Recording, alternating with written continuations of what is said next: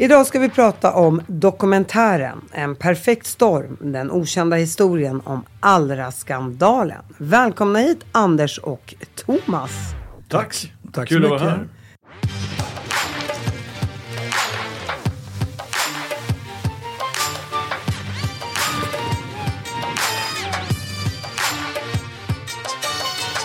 Jag, jag måste börja med att säga så här. Ni har ju suttit eh, och eh, hållit på och jobbat med den här dokumentären. Hur länge då? Ja, sen vi började väl hösten, tidigt hösten 2022. Så åtta månader, nio månader har vi hållit på. Så nästan ett år skulle man kunna säga. Ja, åtta, Ja, nio månader. Ja, med sommarlov och sådär så blir det ett år. Ja, just det.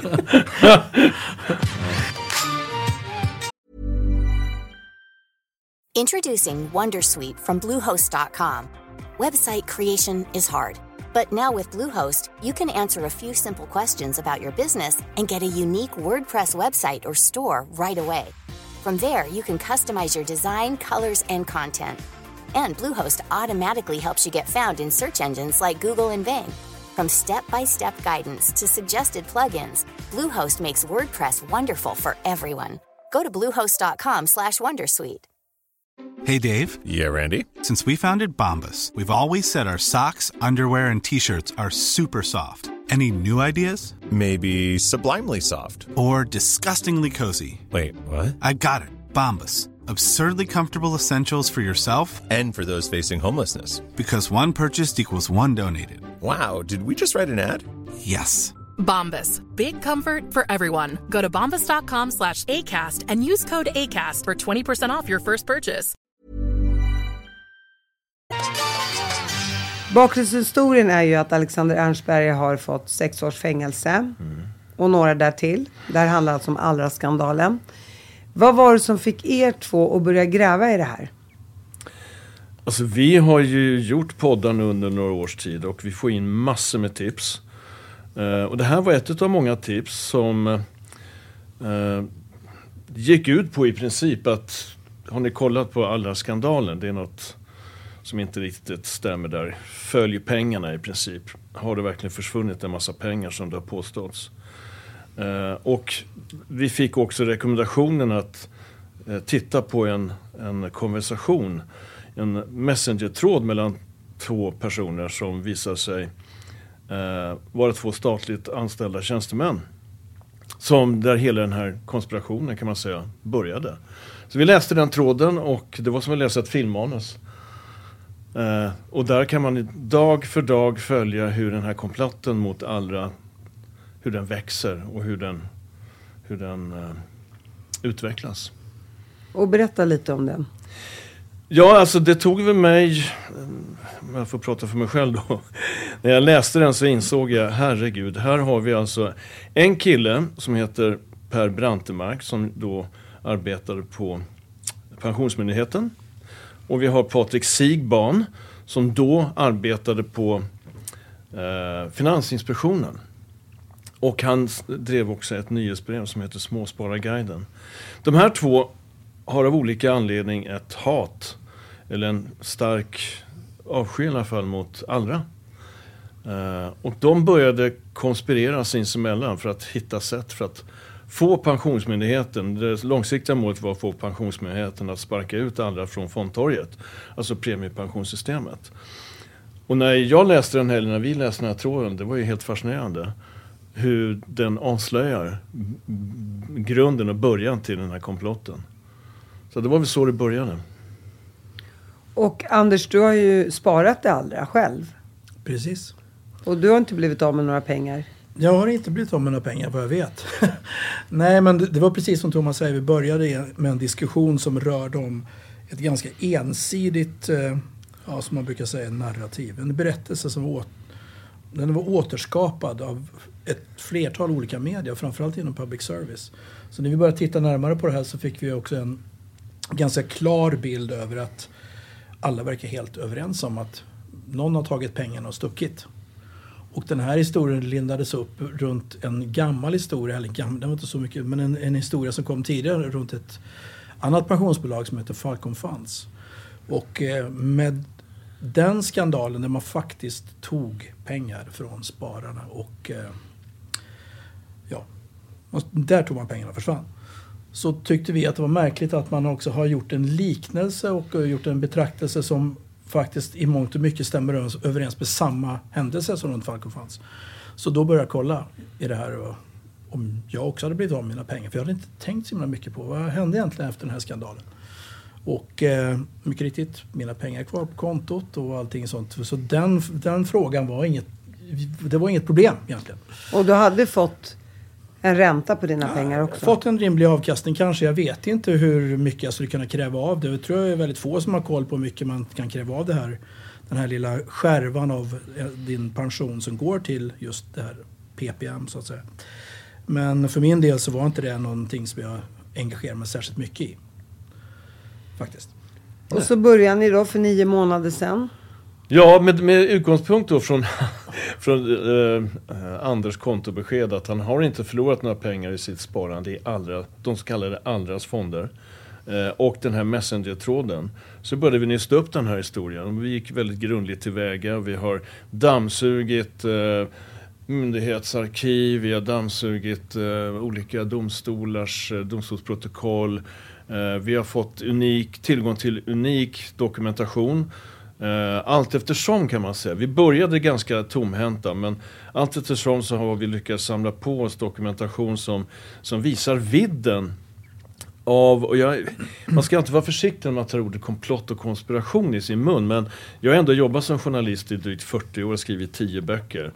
Eh, jag har aldrig stött på, i hela mitt yrkesliv, har jag aldrig stött på en värre konspiration mot ett enskilt bolag, eller överhuvudtaget en värre konspiration än den som vi har lyckats blottlägga nu. Det vill säga komplotten som i akt och meningen, i, vars syfte var att helt enkelt sparka ut alla från fondtorget och ultimat då sätta de här personerna i fängelse, få dem fällda. Eh, och, och jag häpnar fortfarande när jag tänker på hur det här har tillåtits fortgå under, ja det började 2015 då med den här Messenger-tråden. Men i media så tog det fart först eh, egentligen början av 2017.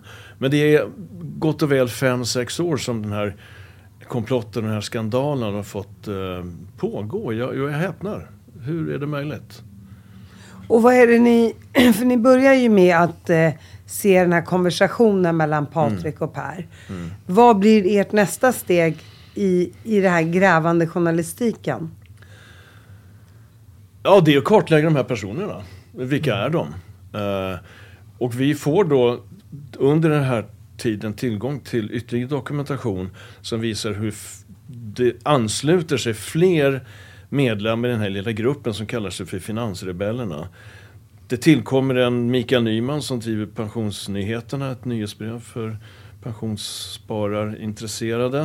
Eh, det tillkommer en person som heter Mattias Granqvist som tidigare har jobbat på Finansinspektionen.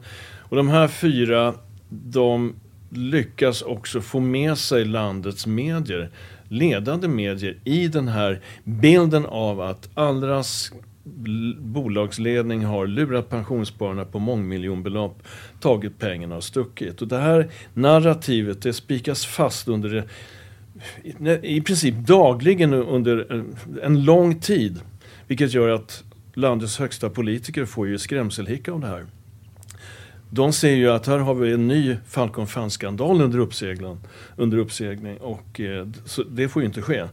Så den politiska målsättningen blir ju då att reformera det här pensionssystemet som man då har skapat en gång i tiden men som visar sig innehålla det, det var konstruerat så att det tillät alltså privata aktörer att faktiskt tjäna pengar eh, i det här systemet. Och är det någonting som man inte får tjäna pengar på i Sverige så är det pensionärerna.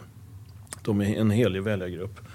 Eh, och det här till, till, sammantaget blev ju att det blev en väldigt explosiv stämning kring Allra eftersom det dagligen i landets medier med hjälp av de här finansrebellerna påstods att de hade tagit pensionär, pensionärernas, pensionärsspararnas pengar och stuckit. Och det här visar ju vi i vår podd att det, det är en bluff. De har ju inte tagit pengarna och stuckit.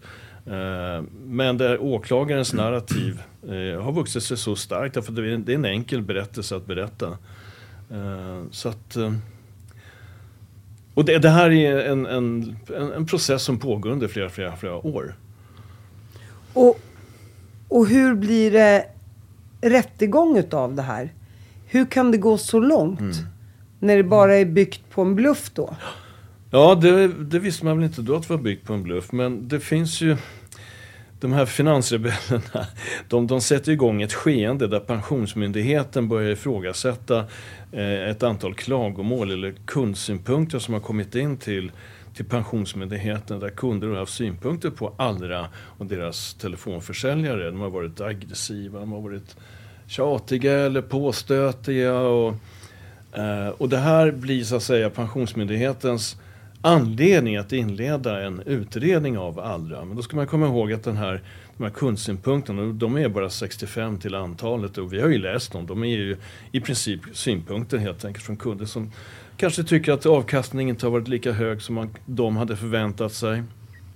Men det är 65 synpunkter av Allras totalt då tror jag runt 130 000 kunder.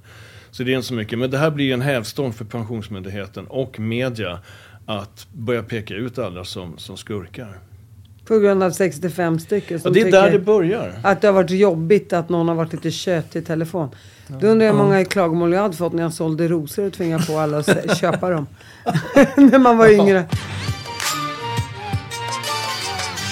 Och då spelar det ingen roll att Alexander hade jobbat dygnet runt i tio års tid innan han köpte ett hus på lån. Dessutom. Nej, det spelade ingen roll. Men det, det, blev en, det blev en symbol för hela den här historien.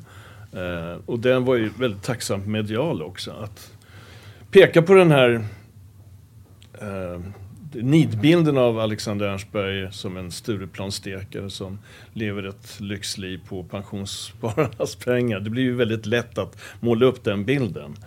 Eh, så. Men så ska man komma ihåg att de blev ju faktiskt frikända i, i Stockholms tingsrätt i januari 2020. Och varför blev de det? Därför att tingsrätten inte kunde, eller ansåg inte att åklagaren hade bevisat att det hade begåtts något brott. Det var helt, så att säga, vanliga affärer som hade gjorts med, med väldigt höga provisioner, väldigt höga utdelningar till, till ett par personerna i Allras ledning. Men inget brottsligt hade för- förekommit. Och det är då komplotten kan man säga nummer två sätter igång mot alla. Nu ska man verkligen få dem fällda i hovrätten och det skiljer vi också i podcasten. Eh, vilka starka krafter som mobiliseras för att få dem fällda och då talar vi om landets högsta politiker. Där många av de tongivande går ut och kommenterar, faktiskt redan innan den friande domen, kommenterar alla affären som då är föremål för förundersökning att de här är skyldiga och de får, staten får inte misslyckas. Och när staten då misslyckas i tingsrätten så går ju Ardalan Shekarabi ut och säger, som då var civilminister om jag inte minns fel, han går ut och säger att staten får inte misslyckas igen. Så han ger ju i princip direktiv att de här killarna måste fällas i Svea hovrätt. Och han är ju inte ensam om det. Magdalena Andersson, Stefan Löfven, Per Bolund, Annika Strandhäll. Även Pensionsmyndighetens nya generaldirektör Daniel Barr, Ekobrottsmyndighetens generaldirektör. Alla säger att de måste fällas i Svea hovrätt. Annars har staten misslyckats och det vore en, en, en Alltså, det, är en, det är en stor förlust. De tappar landets politiker tappar ansiktet om andra frias även i Svea hovrätt. Alltså måste en fällande dom levereras, vilket sker ett och ett halvt år senare. Och det här skildrar vi ju också i podcasten, vad det är som leder fram till den fällande domen och vilka som har stort intresse av att få dem fällda. Och vilka har ett stort intresse? Landets högsta politiker. För att då skulle de bli friade igen, då har, de vis, då har det visat sig att det här premiepensionssystemet inte är bra. Det tillåter spekulation, det tillåter stora vinster och så vidare. Man måste ha en syndabock, man måste få fram ett bolag som är skyldigt, alltså har sig skyldigt till brott för att kunna motivera i pensionsgruppen och för de övriga politiska partierna att vi måste reformera det här pensionssystemet. Alltså minska antalet fonder på fondtorget från 800 till 30 kanske.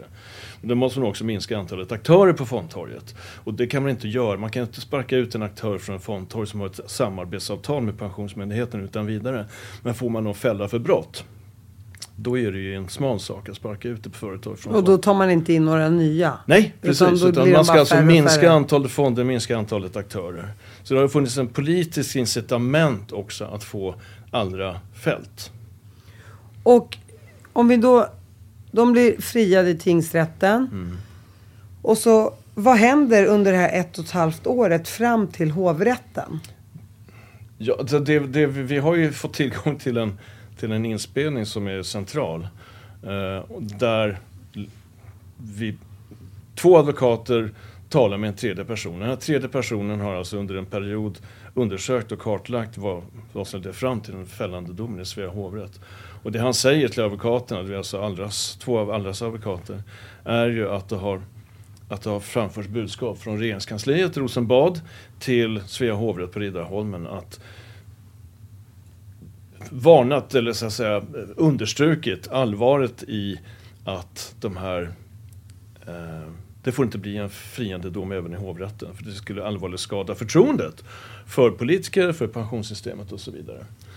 Uh, och det här är ju intrikat som fan kan jag ju säga. För att det innebär att då har vi en politisk dom. Då har inte en juridisk dom utan har en politisk och snarare möjligtvis också en moralisk dom i Svea hovrätt. Snarare än en juridisk. Vad menar du? Att en tredje person pratar med Allras advokater? Det är en person som vi namnger i podden också, Håkan Svennerstål heter han. Som är en slags grå eminens i det offentliga Sverige. Som har undersökt vilka kontakter som har tagits mellan regeringskansliet och Riddarholmen.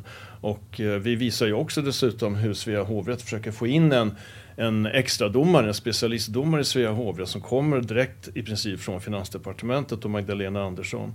Eh, och få in honom som en av de dömande personerna i Svea hovrätt. Men han är ju starkt jävig och eh, vi skiljer också kontakterna mellan honom och eh, en representant för Svea hovrätt och det, det ser ju inte bra ut. Det är för kladdigt, det är för geggigt, det är för, det är för nära så att säga den dömande makten och den politiska makten. Jag har lyssnat på poddarna. Och det är ju väldigt mycket, mycket att ta in. Ja. Man är helt slut i huvudet efter att ha lyssnat. Eller så är det jag som är helt borta i huvudet. Nej, nej, nej. Men- men det tog det- oss 8-9 månader att fatta det. Ja. Så att man måste lyssna. Man måste Men lyssna. ni fa- fattar fortfarande. Jo, jo det gör vi faktiskt. Nu gör Thomas vi, fattar allt. Nu gör vi det. Men det, det, det kräver en del av lyssnaren. Men jag kan ju garantera att ge- ger man så att säga, ämnet lite tid så, så, så... Och det är viktigt för demokratin, det är viktigt för rättssäkerheten att folk förstår hur det här har gått till. Därför att det har inte skett på schyssta premisser. Eh, det är många som har begått lagbrott. Eh, vi har två myndigheter, Ekobrottsmyndigheten och Pensionsmyndigheten, som har agerat på ett sätt som starkt kan ifrågasättas. Och dessutom eh, domstol har konstaterat i ett par av fallen att det rör sig om rena lagbrott. Eh, och man har använt en, en, en stor advokatbyrå i Malmö som har gjort en parallell undersökning. Samtidigt som Åklagarmyndigheten, eller eh, Ekobrottsmyndigheten gjort sin förundersökning så har Pensionsmyndigheten med hjälp av den här advokatbyrån gjort en parallell förundersökning. Och det, resultatet av den förundersökningen har alltså andra män inte fått till insyn i. Vilket också eh, rättsligt har fastslagits att det är fel och det strider mot Europakonventionen för mänskliga rättigheter. Så staten har alltså gång efter annan brutit mot lagen, brutit mot mänskliga rättigheterna i sin iver att sätta dit andra. Om man ska liksom hårdra det hela eller bara kort sammanfatta. Och vad är det då den här Malmö eh, advokatbyrån har kommit fram till? Ja, det vet vi inte. Vi har ju lyckats få ut fakturorna och det är fakturor för Anders, hur mycket räknade vi ihop att de har fakturerat staten? 36? Ja, ungefär i ett arvode på en 36-40 miljoner och eh, tillhörande inköp. Så att en bra bit över 50 miljoner har man fakturerat under de här tre åren som man har haft. Tre, fyra åren. Och vad har de gett Pensionsmyndigheten för, för bevismaterial då i det här fallet? Ja, det vet ju inte vi. Vi har inte sett det och vi har ju försökt få tag på materialet genom Pensionsmyndigheten och enligt dem så finns det ingen utredning. Det, finns ingen, det har, har inte gjorts någon utredning utan det här är sammantagna bedömningar som man får höra och det är, det är helt enkelt information som inte kommer ut därifrån. Så advokatbyrån har fakturerat Pensionsmyndigheten 50 miljoner kronor men det finns ingen information att få. Jo, vi har ju fått ut fakturorna. Ja. Efter mycket om och men har vi fått ut dem. Vi har också begärt att få ut fakturaunderlagen. Och det är ju hundratals sidor. Eh, och det är ju hur mycket utredningsinsatser som helst som den här advokatfirman har gjort. Men som vars resultat varken vi eller eh, de tilltalade i Allra har fått ta del utav. Eh, och det har ju varit ett sätt för Pensionsmyndigheten att under radarn. För de har alltså upp, de har inte behövt göra någon upphandling av den här advokatbyrån. Det finns ett kryphål i lagen som medger att man kan köpa in tjänster om, om det, om det eh, avses en juridisk process. Eh, så att det är mycket av den här utredningen som har skett helt under radarn och dolt för allmänheten och framförallt för de tilltalade i Allra. Så att det, är, det är fulspel från myndigheternas sida skulle jag vilja påstå. Och vad, och vad har åklagaren för roll i hela den här situationen? Ja, alltså han är ju den som ska leda i bevis att Allra, eh, allra Sten har, har begått brott. Det är liksom hans roll. Och eh, han gick ju på pumpen i tingsrätten. Men eh, kommer tillbaka i hovrätten och vinner målet där. Så det är hans roll. Eh, men om man liksom frågar vad alla män har gjort sig skyldiga till. Ja, en av brottspunkterna, är åtalspunkterna är grov trolöshet mot huvudman, det vill säga Pensionsmyndigheten. Eller pensionsspararna egentligen.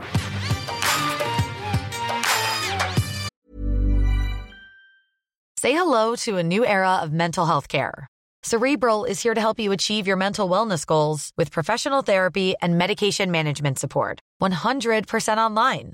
You'll experience the all new Cerebral Way, an innovative approach to mental wellness designed around you. You'll get a personalized treatment plan from a therapist, prescriber, or both in a safe and judgment free space. Your cerebral therapist or prescriber will outline a customized plan with clear milestones along the way so you can get to feeling your best. With Cerebral, you're not alone in your mental health journey. We're here to empower you to live a fulfilling life. So take that first step towards a brighter future and sign up today at cerebral.com slash podcast and use code ACasts to get 15% off your first month. Offer only valid on monthly plans. Other exclusions may apply. Offer ends July 31st, 2024. See site for details. Introducing Wondersuite from Bluehost.com. Website creation is hard, but now with Bluehost, you can answer a few simple questions about your business and get a unique WordPress website or store right away. From there, you can customize your design, colors, and content. And Bluehost automatically helps you get found in search engines like Google and Bing. From step-by-step guidance to suggested plugins, Bluehost makes WordPress wonderful for everyone. Go to bluehost.com/wondersuite.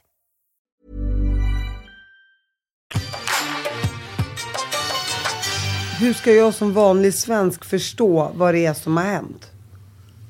Ja, det bästa är att lyssna på podden faktiskt. För där, där, där förklarar vi väldigt väl vad det var som hände. Men den här affären gjordes alltså 2012. Ja, och det fanns tre fonder eh, som Gustavia, fondbolaget Gustavia ägde, eller drev så att säga åt pensionsspararna.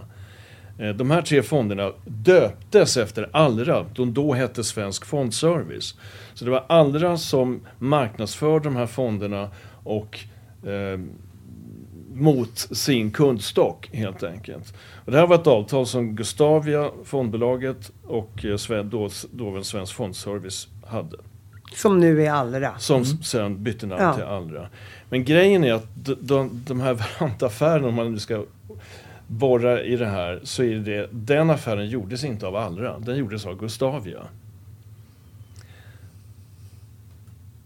Allt frid och fröjd. 2014 så genomför Finansinspektionen en granskning av O-Capital som var för det förmedlande bolaget när de här varantaffären gjordes 2012. Eh, man genomförde också en, en så kallad temundersökning av Gustavia. Så de två bolag som faktiskt var inblandade i varantaffären, de eh, undersöks av Finansinspektionen. Och då blir då vdn eller vice vdn för Gustavia så nervös så att han låter upprätta en, en, ett falskt dokument som kallas för trading checklist. För att där få in, skohorna in ett antal formuleringar som han vill använda om Finansinspektionen skulle ha synpunkter på de här strukturerade, affärerna med de här strukturerade produkterna. Och han får alltså in, och då har han samarbete med Johan Bergsgård som då var förvaltare på Svensk Fondservice slash Allra. De bollar ett dokument sinsemellan. Två år efter att Varantaffären gjordes så skapas ett dokument för att ge ryggen, eller för, för Gustavia ska få ha ryggen fri om Finansinspektionen skulle slå ner på den här varantaffären. Och det här dokumentet är alltså falskt, för det upprättas då 2014. Två år efter att affären har gjorts. Och det här görs på, av Ola Gillsträng som då är är grundare av det här fondbolaget Gustavia. Så, det är 2014. Sen när åtal väcks mot Allra och rättegången inleds, då är det alltså Allra som anses ha gjort de här affärerna. Alexander Ernstberg anses då ha haft en förtroendeställning gentemot Pensionsmyndigheten och pensionsspararna att genomföra och ha godkänt att genomföra den här Verantaffären. Vilket inte stämmer, för det är inte Alexander Ernstberg. In, ingen på eh, Svensk Fondservice eller andra hade i maj 2012 när Verantaffären gjordes tillstånd att göra affären. Utan det var folk på Gustavia som hade tillstånd att göra affären. Och det är väldigt viktigt att komma ihåg. Så att Ernstberg Allra har inte haft med den här affären att göra överhuvudtaget. Men åklagaren har alltså fått det till det. Men inte det är enkelt att se att han inte hade det då? Jo, nu är det enkelt att se. Jag vet inte om det var det då. Men vi har ju den dokumentationen. Så det är klart att vem som helst hade kunnat ha den do dokumentationen då, men man har inte använt den. Den har uh, gömts eller inte fan vet jag. Och om det nu är så att det är så komplext att man inte kan göra en prisjämförelse med andra mm. bolag. Varför är då Ola tvungen att göra ett förfalskat dokument från första början? Ja. Det, är, det är en bra fråga. Eh, grejen är då, den här prisjämförelsen används som en, ett sätt för Gustav att skydda sig. Man, man säger att det har gjorts en prisjämförelse av Svensk Fondservice Allra, eller kanske även O-Capital, eh, som då ska friskriva Gustavia från ansvar att de här, fond, de här köpen har gjorts eh, till pensionsspararnas eh, nackdel. Eh, så att det, den här prisjämförelsen är ju central även sen när man läser Svea hovrätts dom Eh, så anser man ju att den här prisjämförelsen finns inte. Den har skapats för att eh, lura Gustavia. Att andra har skapat en falsk prisjämförelse för att lura Gustavia att tro att det har gjorts en prisjämförelse. Av någon anledning så är den här jämförelsen väldigt viktig i det här fallet. Och det är för att man ska kunna se att man har gjort, man har inte köpt första bästa variant. Man har gjort jämförelser med andra. Men det här är ju ett skräddarsytt instrument. Så det finns ju inga andra varianter eller liknande instrument att jämföra med. Men om vi lämnar det så, Trading Checklist som det hela då handlar om eh, upprättas två år efter att Varantaffären är gjord för att skydda ryggen på Gustavia. Okej, okay, det har vi berättat, det vet vi nu. Och sen när då rättegången inleds i Stockholms tingsrätt så sitter då denne Gillsting under ed har han tagit med sig eh, eh, det här bland annat det här pappret Trading Checklist. Han sitter alltså med det i vittnesbåset, får frågan vad det han har med sig för papper, för han ska inte ha med sig några papper, han ska ju bara svara på frågor. Då är det alltså den här Trading Checklist. Och han läser till att den här training checklist gäller de här fonderna och att det gjorts prisjämförelser. Men då, han använder det för att friskriva sig själv från ansvar. Men han har ju själv upprättat det här dokumentet. Det är det som är så fantastiskt. Så han sitter alltså och påstår att det här dokumentet har vi fått in från eh, Allra, eller Svensk Fondservice. Men det är han själv som har upprättat det. Det är liksom en bluff som utspelar sig i tingsrätten. Och han är alltså åklagarsidans vittne, Ola Gillsting. Men han sitter alltså och påstår saker som inte är sant under ed. Vilket är väldigt allvarligt eftersom det här påverkar domen. Det påverkar den dom som eh, får Alexander Ansberg och de tre andra i, i Allras ledning till långa fängelsestraff och näringsförbud i tio år. Dessutom, vad vi också visar i vår podcast, det är att Gustavia, som egentligen är det bolag som har gjort den Varanta-affären, har ju samarbetat med åklagare och pensionsmyndighet för att hjälpa till att fälla andra. De har till och med fått betalt för det. Vi, ju, vi, vi har ju fakturan. Gustav har alltså skickat en faktura till Pensionsmyndigheten för sin medverkan i utredningen mot andra. Vilket är... Inte det jävligt? Alltså det, det är häpnadsväckande och det går emot all, all, allt som vi känner som fair play i en, i en rättsprocess. För det är Gustavia som gjort Aranta-affären, det är inte Allra. Men Gustavia klarar sig undan åtal om de hjälper till i utredningen som syftar till att fälla andra och får betalt för det. Så att det här är århundradets, eh, det här är århundradets rättsskandal skulle jag påstå. I den här ekonomiska brottsligheten åtminstone.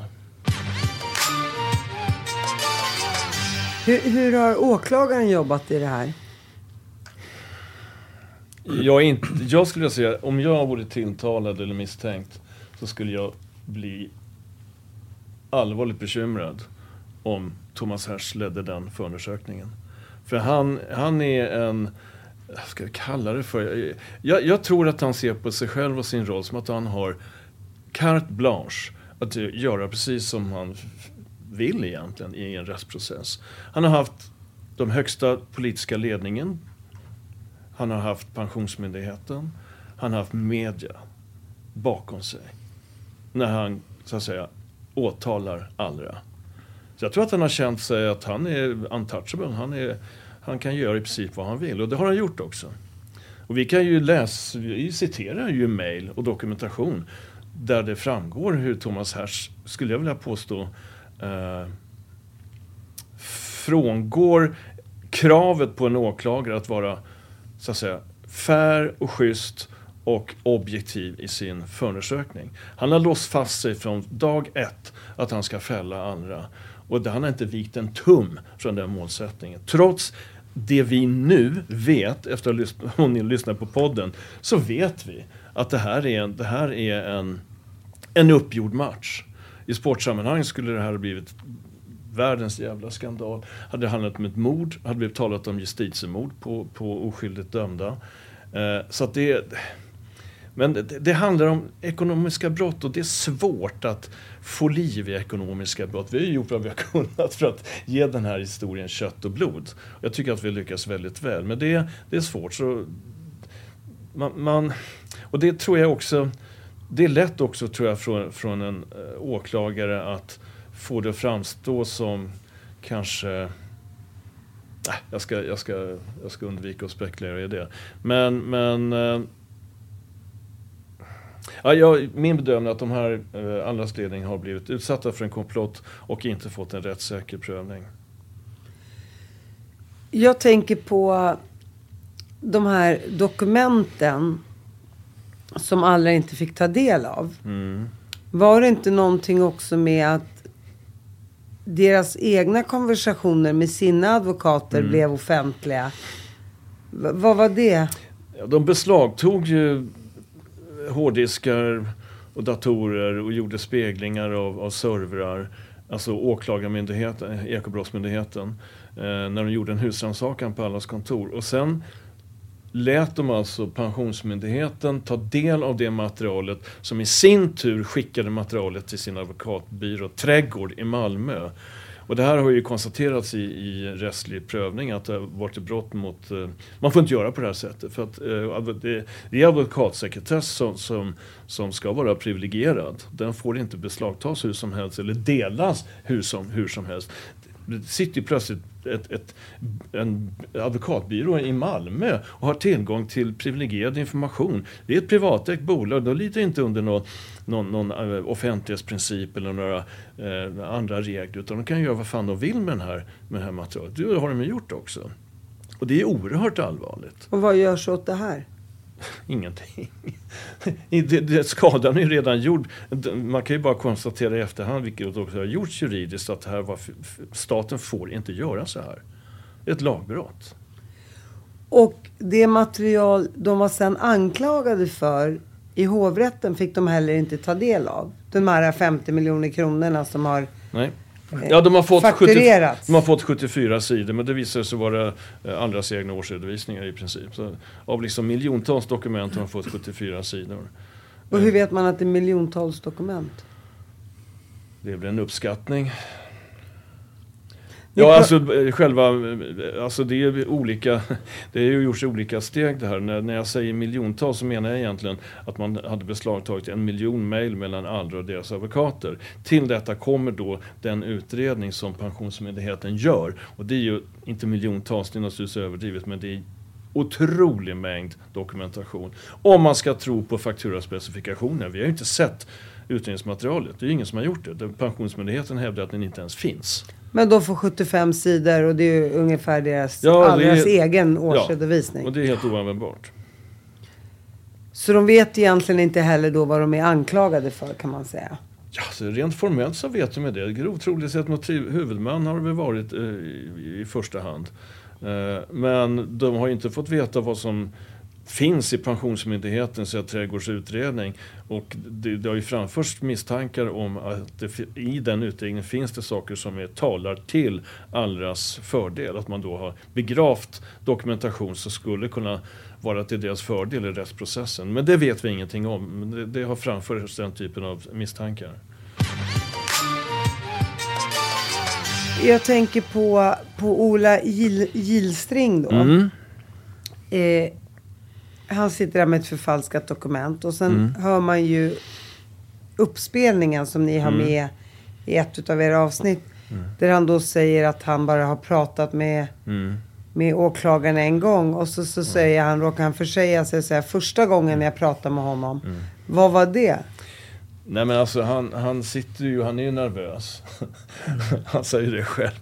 Och han, han anser då att allt som aldrig har sagt hittills är ju rena bullshit. Så han är ju väldigt frispråkig på det sättet. Men eh, han har, vi vet, när han säger det under ed så vet ju vi att han och Gustavia då styrelseordförande Thomas Vinell har ju haft frekventa kontakter med åklagarna, med pensionsmyndigheterna hösten 2017 och en bit in på 2018. Vi har ju läst deras mejlkommunikation. Så att den här Gilsing säger att han har haft kontakt med åklagarna en gång. Dess, så, så är det ju lögn. Under ed. Under det. Dessutom säger att han har haft kontakt med Pensionsmyndigheten en gång när han står med sin son.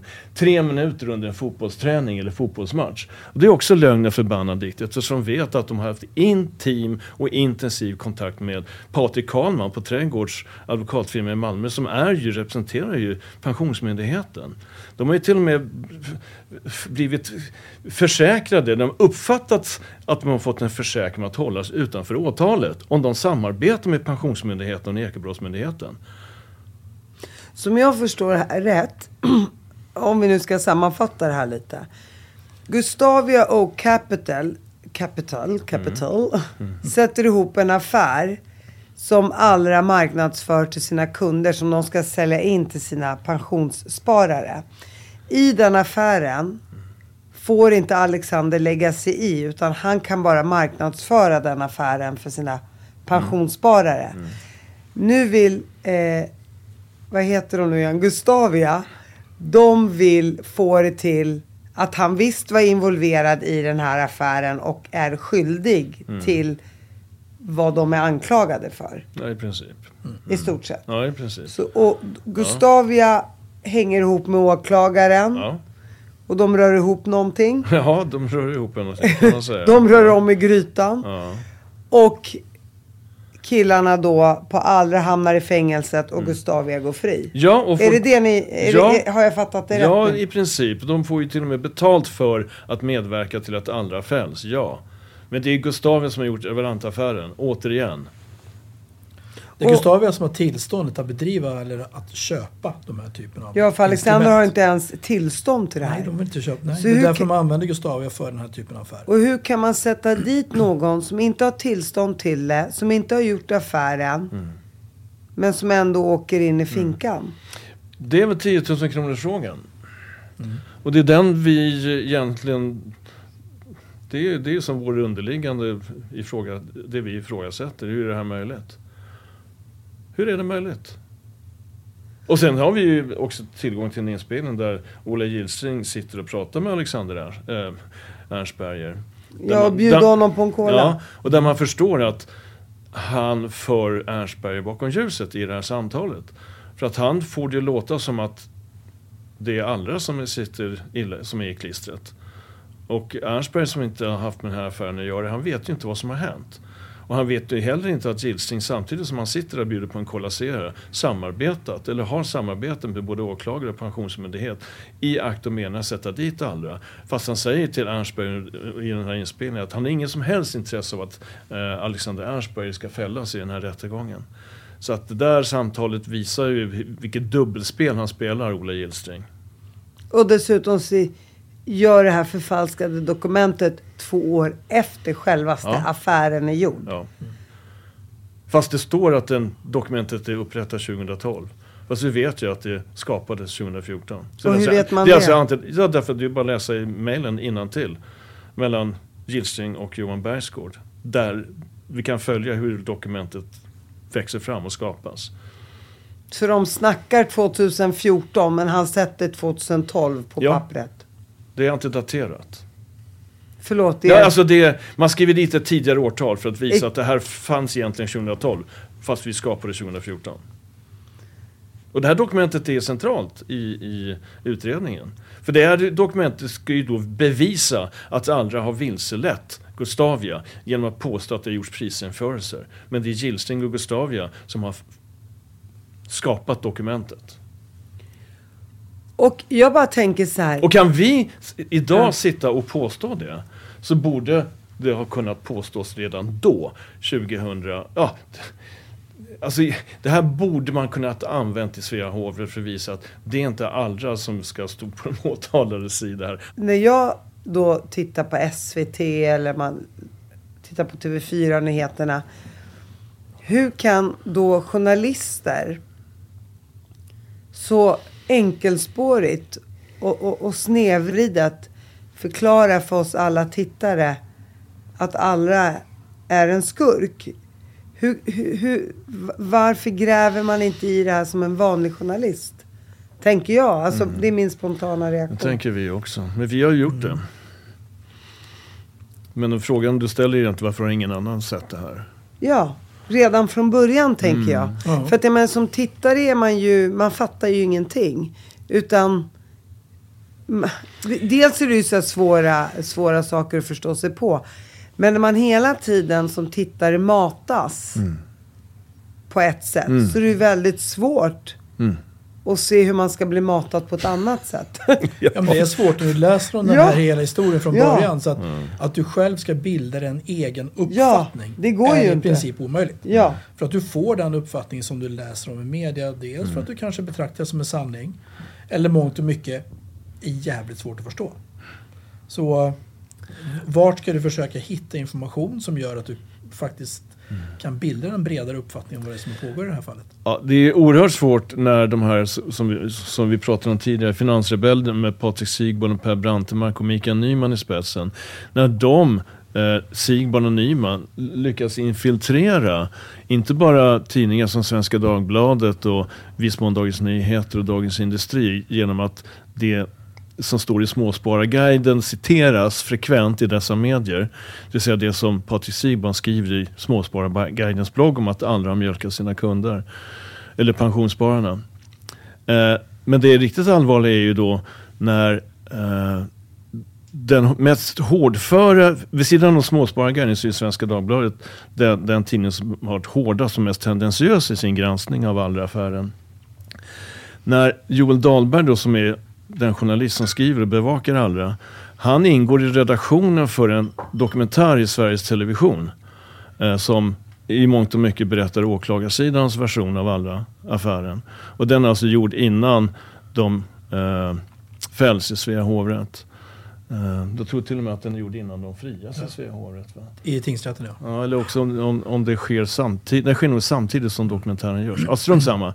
Det intressanta är att den redaktionen för den dokumentären i Public Service, där ingår då Joel Dahlberg från Svenska Dagbladet som är en hårdför och tendentiös kritiker av andra. Plus två andra redaktionsmedlemmar som också har jobbat på Svenska Dagbladets näringslivssektion. Så att redan där har alltså finansrebellerna så att säga lyckas få in ett narrativ eh, som sväljs med hull och hår av Sveriges Television. Dessutom så finns det en, en dokumentär i Sveriges Radio och ett program som heter Svensk, eh, Plånboken. Och I Plånboken uppträder som en expert Två av experterna är just Patrik Singban och Mikael Nyman som tillhör de här finansrebellerna. Eh, så att det är oerhört allvarligt. Och, och det kanske mest komiska, om inte vore så allvarligt exempel, är ju när Patrik Sigban lyckas få in en lokförare i den här dokumentär, dokumentären i Sveriges Television. Den lokföraren är ju den som får ge ansikte åt den lurade andra kunden. En av tiotusentals eller tusentals lurade andra kunder, en lokförare i Hallsberg, Stefan.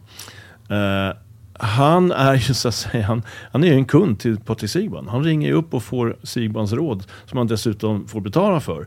Och en månad senare så ringer Sigban tillbaka och frågar kan inte du medverka i en dokumentär som görs av Sveriges Television? eh, där då Joel Dahlberg sitter som i, i redaktionsmedlem.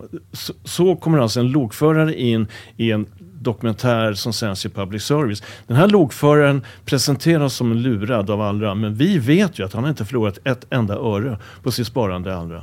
Han har kanske varit lite besviken på att avkastningen inte har varit så hög som Att han den inte var 40 procent. Ja, men han har alltså inte förlorat en enda spänn. Men i public service, i dokumentären, i plånboken och även i den här P3-dokumentären så får han alltså ge ansikte åt den lurade andra kunden. Men vi vet ju, han erkänner för oss när vi ringer upp honom sen, att han är ju inte lurad. Han har inte förlorat ett öre på sitt sparande allra. Och det här är ju hemskt för att det, det, det innebär att public service används ju av de här finansrebellerna som ett instrument för att smutskasta Allra. Vilket är oerhört eftersom det är public service har ju krav på sig vare sig vara opart, att de ska vara opartiska och sakliga i sin rapportering.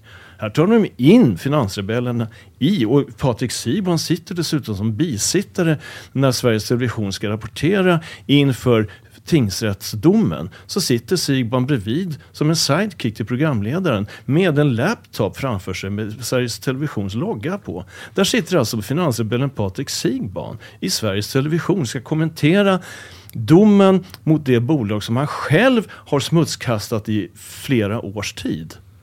Och det här tycker vi är minst lika chockerande och skandalöst som allting annat som vi har pratat om här. Har ni träffat Alexander? Ja.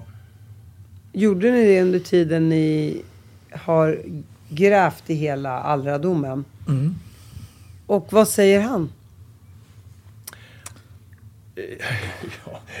Det förväntade att han, att han inte har gjort sig skyldig till något brottsligt naturligtvis. Och han vänder, vi har också frågat honom vad han vänder sig mot om, när det gäller mediernas beskrivning av honom som en eh, girig person som var väldigt ute efter snabba pengar. Men eh, han spelar ändå en ganska underordnad roll i vår framställning. Vi har inte velat hänga upp den på vad Alexander Ernstberg säger till oss. Utan han är med där som en röst såklart. Vi besöker honom i fängelset och så vidare. Men vår berättelse står ju inte och faller med hans medverkan. Den, den står ju på egna ben. Ja, men han har gett oss en bra beskrivning över utifrån han, från sitt perspektiv. Både, kan man säga, om man följer tidslinjen, om man ska kalla det för. Vad är det som har hänt successivt under den här perioden och hur intensivt det blev.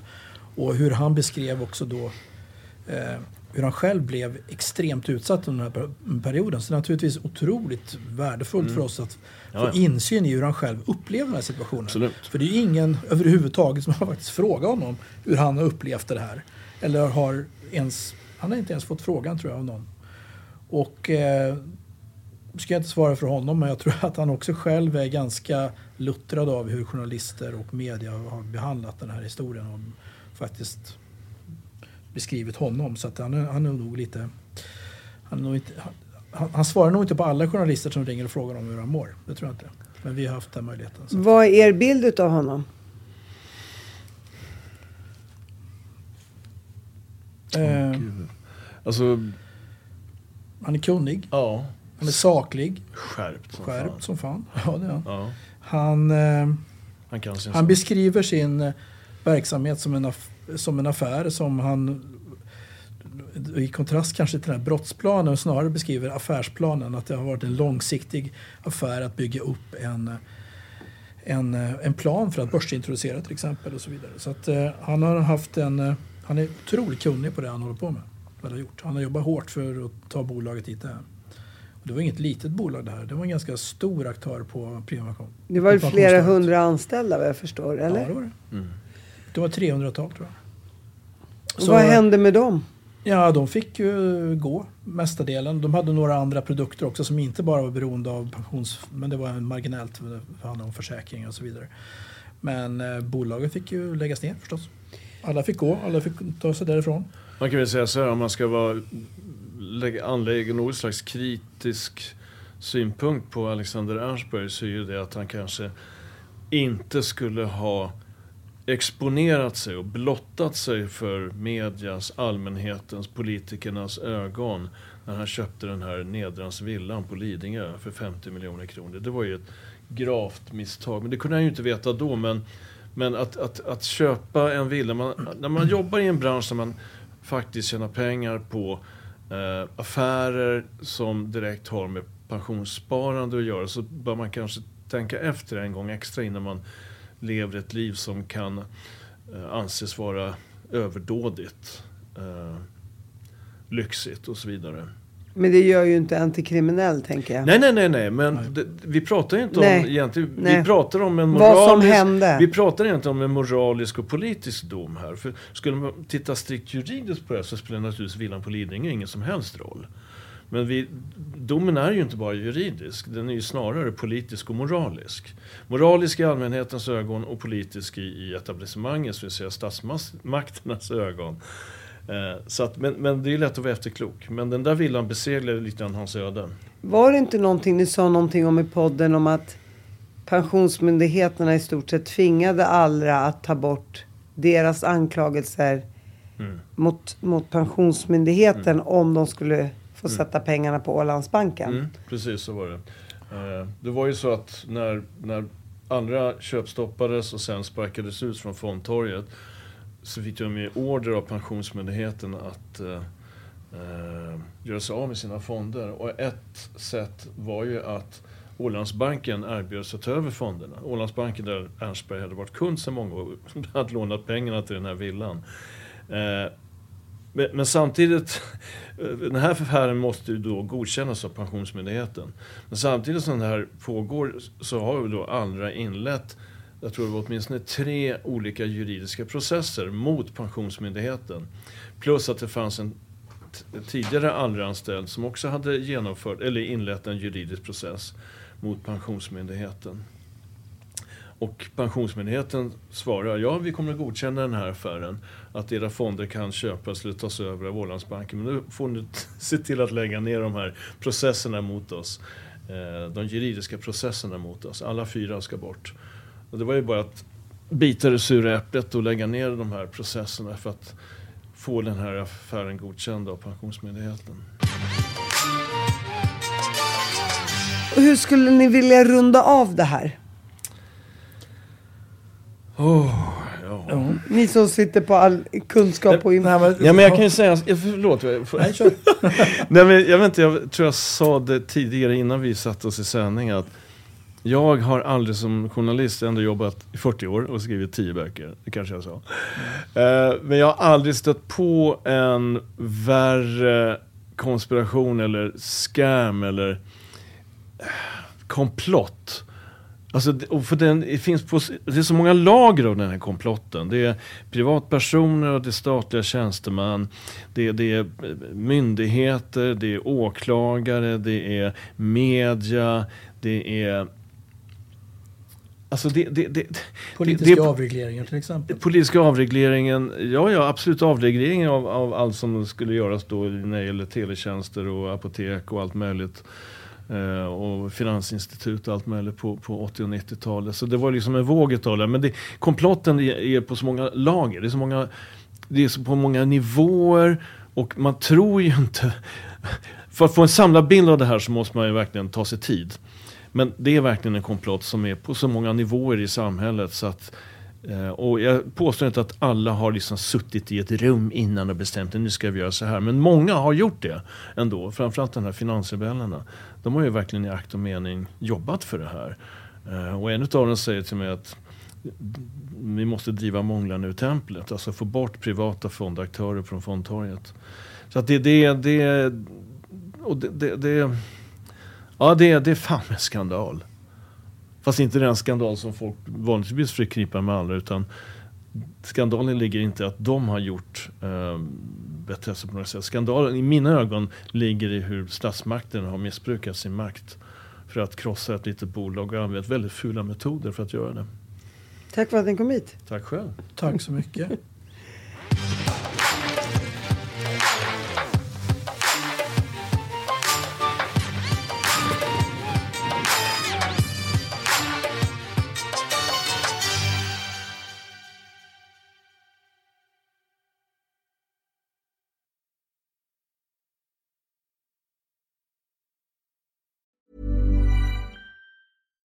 Botox Cosmetic, out of botulinum toxin A, FDA approved for over 20 years. So, talk to your specialist to see if Botox Cosmetic is right for you.